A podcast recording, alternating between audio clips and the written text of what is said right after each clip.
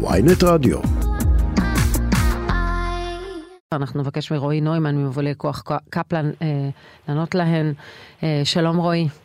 בוקר טוב, לא שמעתי את רעיון אה, לא, זה, זה גם עלה, אתה, אני מניחה שראית גם שראש הממשלה שיתף את זה וזה עלה. הדוברות של מד"א דיברה על מספר אירועים שבהם חסימת הצירים לא אפשרו, אה, לא אפשרה טיפול רפואי מיידי, מה שצריך אה, לתת, דיברו על חשד לאירוע לב, אירועי אלרגיה של ילד, מספר אירועים שאירעו ברחבי הארץ. אז בדקנו, אה, וכל האירועים שאנחנו מכירים נתנו לאמבולנסים לעבור, נתנו גם למכבי אש לעבור אתמול בהפגנה בירושלים. אנחנו 28 שבועות בתוך המחאה הזאת, ככה שגם הקהל כבר יודע ומכיר, אני פשוט לא מכיר חלק מהאירועים אנחנו יודעים שזה פייק מוחלט, חלק עוד לא הספקנו לבדוק, אבל באמת, אין... לא הבנתי, דובר מד"א דיבר פה לפני 20 דקות, סיפר על אמבולנס שעומד עם ילד בהתקף אלרגיה מווינגייט ללניאדו, תקוע 50 דקות בפקק. אז אני אומר, אנחנו לא, לא מכירים את זה. ממה שבדקנו, לא, לא קרה שלא נתנו לאמבולנס לעבור. אתה אומר דובר מד"א לא יודע על מה הוא מדבר ואתה כן יודע? אני אומר שאני יודע את מה שאני יודע, אני לא רוצה להתייחס ברמה האישית. רגע, ואם האמבולנס היה תקוע כמה קילומטרים מאחורי החסימה? לא יכול, גם אם היו רוצים המפגינים לתת לו לעבור, לא היו יכולים. צריך לתת, לא, אז צריך, אז מכוניות צריכות לתת לו לעבור, זה 아, קורה בהפגנות, זה קורה הבנתי, אז מי שאשם בזה שילד יתעכב לו טיפול רפואי, הם הנחסמים בכביש ולא החוסמים. זה משפט שאני אמרתי, שי? זה הרגע אמרת, שמי שצריך לפנות לו זה המכוניות. לא, אני אומר שאין כזה דבר שמפגינים לא מפנים לאמבולנס מקום לעבור. זה, זה בדיוק מה שאמרתי, וזה ככה היה באורך, לאורך 28 השבועות הקרוב, האחרונים, וככה זה ימשיך להיות. אבל אז תן לי להגיד לך, כאזרח, בסדר? כשאתה מספר לעצמך סיפור, אפילו אם המפגינים הם כולם באמת אנשים טובים, שכשרואים אמבולנס אה, אה, פותחים ונותנים לעבור ומקפידים על זה שבוע אחרי שבוע. עדיין יש רכבים שנתקעים בכביש. יש רכבים שנתקעים רחוק מאזור החסימה, כמו אמבולנס אתמול. יש אנשים שנמצאים ברכב שלא מזוהה כרכב הצלה, ו- ו- וקשה לדעת וקשה לפנות לו. נכון. אי אפשר להכחיש את העובדה שכשאתם חוסמים כביש, ואתה יכול לעמוד עדיין מאחורי חסימת הכביש, אתם פוגעים באנשים, ולפעמים גם בבריאות שלהם. ישי, לפני 28 שבועות וכמה ימים אה, הגיע שר המשפטים יריב לוין והודיע שהוא מתכוון להפוך את מדינת ישראל לדיקטטורה. בגלל הדבר הזה. אגב, דיקטטורה לשיטתו, עזוב לשיטתי, לשיטתו. כן, כן, הוא אישית אמר שדברים שהוא הציע לא יכולים להתקיים במדינה דמוקרטית. זה ציטוט שלו בערוץ 14. למול הדבר הזה יוצאים כבר 28 שבועות מאות אלפי ישראלים טובים שמוכרים שבוע אחרי שבוע אחרי שבוע 28 שבועות ברצף, ולא מוותרים על הבית שלהם, ולא מוותרים על ערכים של מגילת העצמאות. נהדר, רועי. אתה אומר, אתה אומר אנחנו, אנחנו לא מאמינים במה שאנחנו מפגינים עבורו. אני מכבד את זה מאוד. לא, אבל תקשיב, אתה נותן לי הרצאה. אני מבקש לסיים את הדברים שלי. רועי, אתה אומר, אנחנו מאמינים במה שאנחנו מפגינים עבורו, אני מכבד את זה מאוד. רק אל תספר לעצמך שכשאתה חוסם כביש, אתה לא פוגע באנשים, כי אתה כן פוגע. ישי, אני אסיים את מה שהתחלתי להגיד. האזרחים יוצאים ומוחים והם חוסמים כבישים, כי כמו שהיועמ"שית אמרה וכמו שאני מכיר, לא הייתה מחאה אחת מאז קום המדינה שלא חוסמים בכבישים, כי אין מחאה אפקטיבית אם היא לא משבשת את סדר היום. וזאת כנראה המחאה הגדולה בהיסטוריה של מדינת ישראל, מסיבה מאוד פשוטה, זה המשבר הכי גדול בהיסטוריה של מדינת ישראל, בטח ובטח המשבר הפנימי הכי גדול בהיסטוריה של המדינה. אז יוצאים וחוסמים כבישים. עם כל הכבוד, אמבולנסים יכולים לעבור בשולי הכביש. לא, לא היה ולא יהיה דבר כזה שבהפגנות לא נותנים אה, אה, לאמבולנסים לעבור. ועם כל הכבוד לאמבולנסים, ובאמת, אני לא יודע מה היה בווינגייט, אני כן יודע מהאנשים שלנו שדיברנו איתם שנתנו לכל רכבי החירום לעבור שם. הסיפור הוא לא זה, הסיפור הוא שאתמול יצאו מאות אלפים מ-6 בבוקר עד 12 בלילה להילחם על הבית שלהם, להילחם על המדינה שלהם. כי מה שמנסים לעשות פה זה ריסוק מוחלט של מדינת ישראל. רק צריך לשמוע איך ביידן מדבר על מדינת ישראל, שמעתי ציטוטים מהבית הלבן אתמול, פשוט זה, תבינו איך זה נראה מבחוץ, כי זה באמת ככה זה. מדברים עלינו כאילו אנחנו אה, מדינה מזרח אירופאית בשנות ה-80 או מדינות אפריקאיות שהן דיקטטוריות. זה המקום שמדינת ישראל נמצאת בו.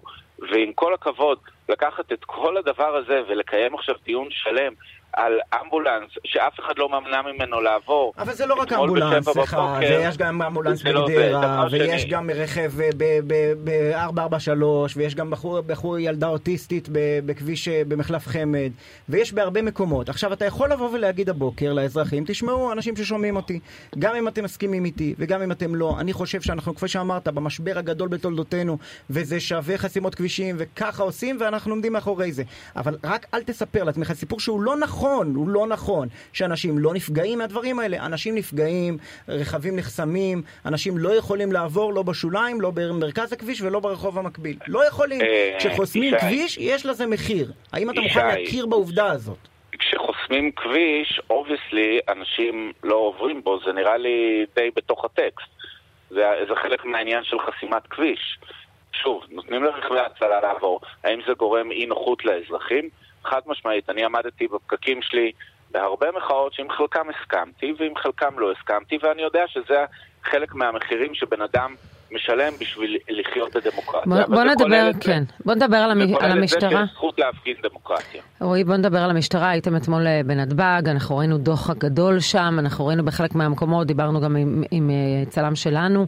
אתם רואים איזושהי עליית מדרגה באכיפה של המשטרה? מרגישים? אני רוצה, אני, אני רוצה לחלק את זה לשניים. בגלל אה, האירוע נתב"ג, הייתי שם אתמול, הוא בעיקר נבע מניהול מאוד מאוד לא, לא נכון של המשטרה. נתב"ג זה לא מקום שמפגינים בו הרבה. אגב, ישבתי לפני שבוע עם מפקד במרחב נתב"ג, ומסתבר שזה לא שטנט שאנחנו המצאנו אה, אה, להפגין בנתב"ג, זה כבר קרה בעבר.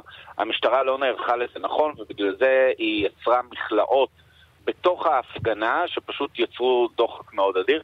אז זה, אני רוצה להגיד, זה מבחינתי לא היה אירוע ש, של הסלמה של המשטרה או שינוי נהלים, לדעתי זאת פשוט הייתה היערכות לא נכונה שלהם. אז את זה אני רוצה לשים בצד. Okay. אוקיי. אה, בשאר הארץ ראינו תופעות ש... שאי אפשר להסכים עליהן. הדבר שלי אישית הכי מרתיח את הדם זה שאזרחים שעומדים על המדרכה לא יורדים לחסום כביש. אה, אה, מסיימים מאושפזים בבתי חולים. אין לזה שום סיבה, אין לזה שום הצדקה. אני לא יודע באמת להגיד לך אם יש איזה שינוי פנימי של המשטרה.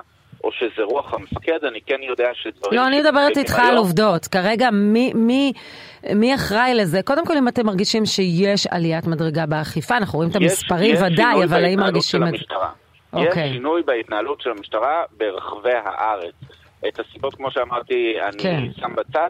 חד משמעית, אה, אה, יש שינוי, הרי ההפגנות הן פחות או יותר באותו פורמט אה, שהתקיימו בחודש מרץ, וההתנהלות של המשטרה היא לא אותה התנהלות, היא שונה לחלוטין. אה, סיימנו אתמול את היום עם 15 מאושפזים בבית חולים, 120 אה, עצורים, חלקם ראינו מעצרים באמת מגוחכים כמו אביב גפן שצריך להגיד, הוא, שוחרר, הוא שוחרר כי כן, הוא אביב גפן. כן, הוא עוכב, כן. לא, הוא לא, זה בדיוק העניין, הוא שוחרר אחרי כמה דקות בגלל שהם כן.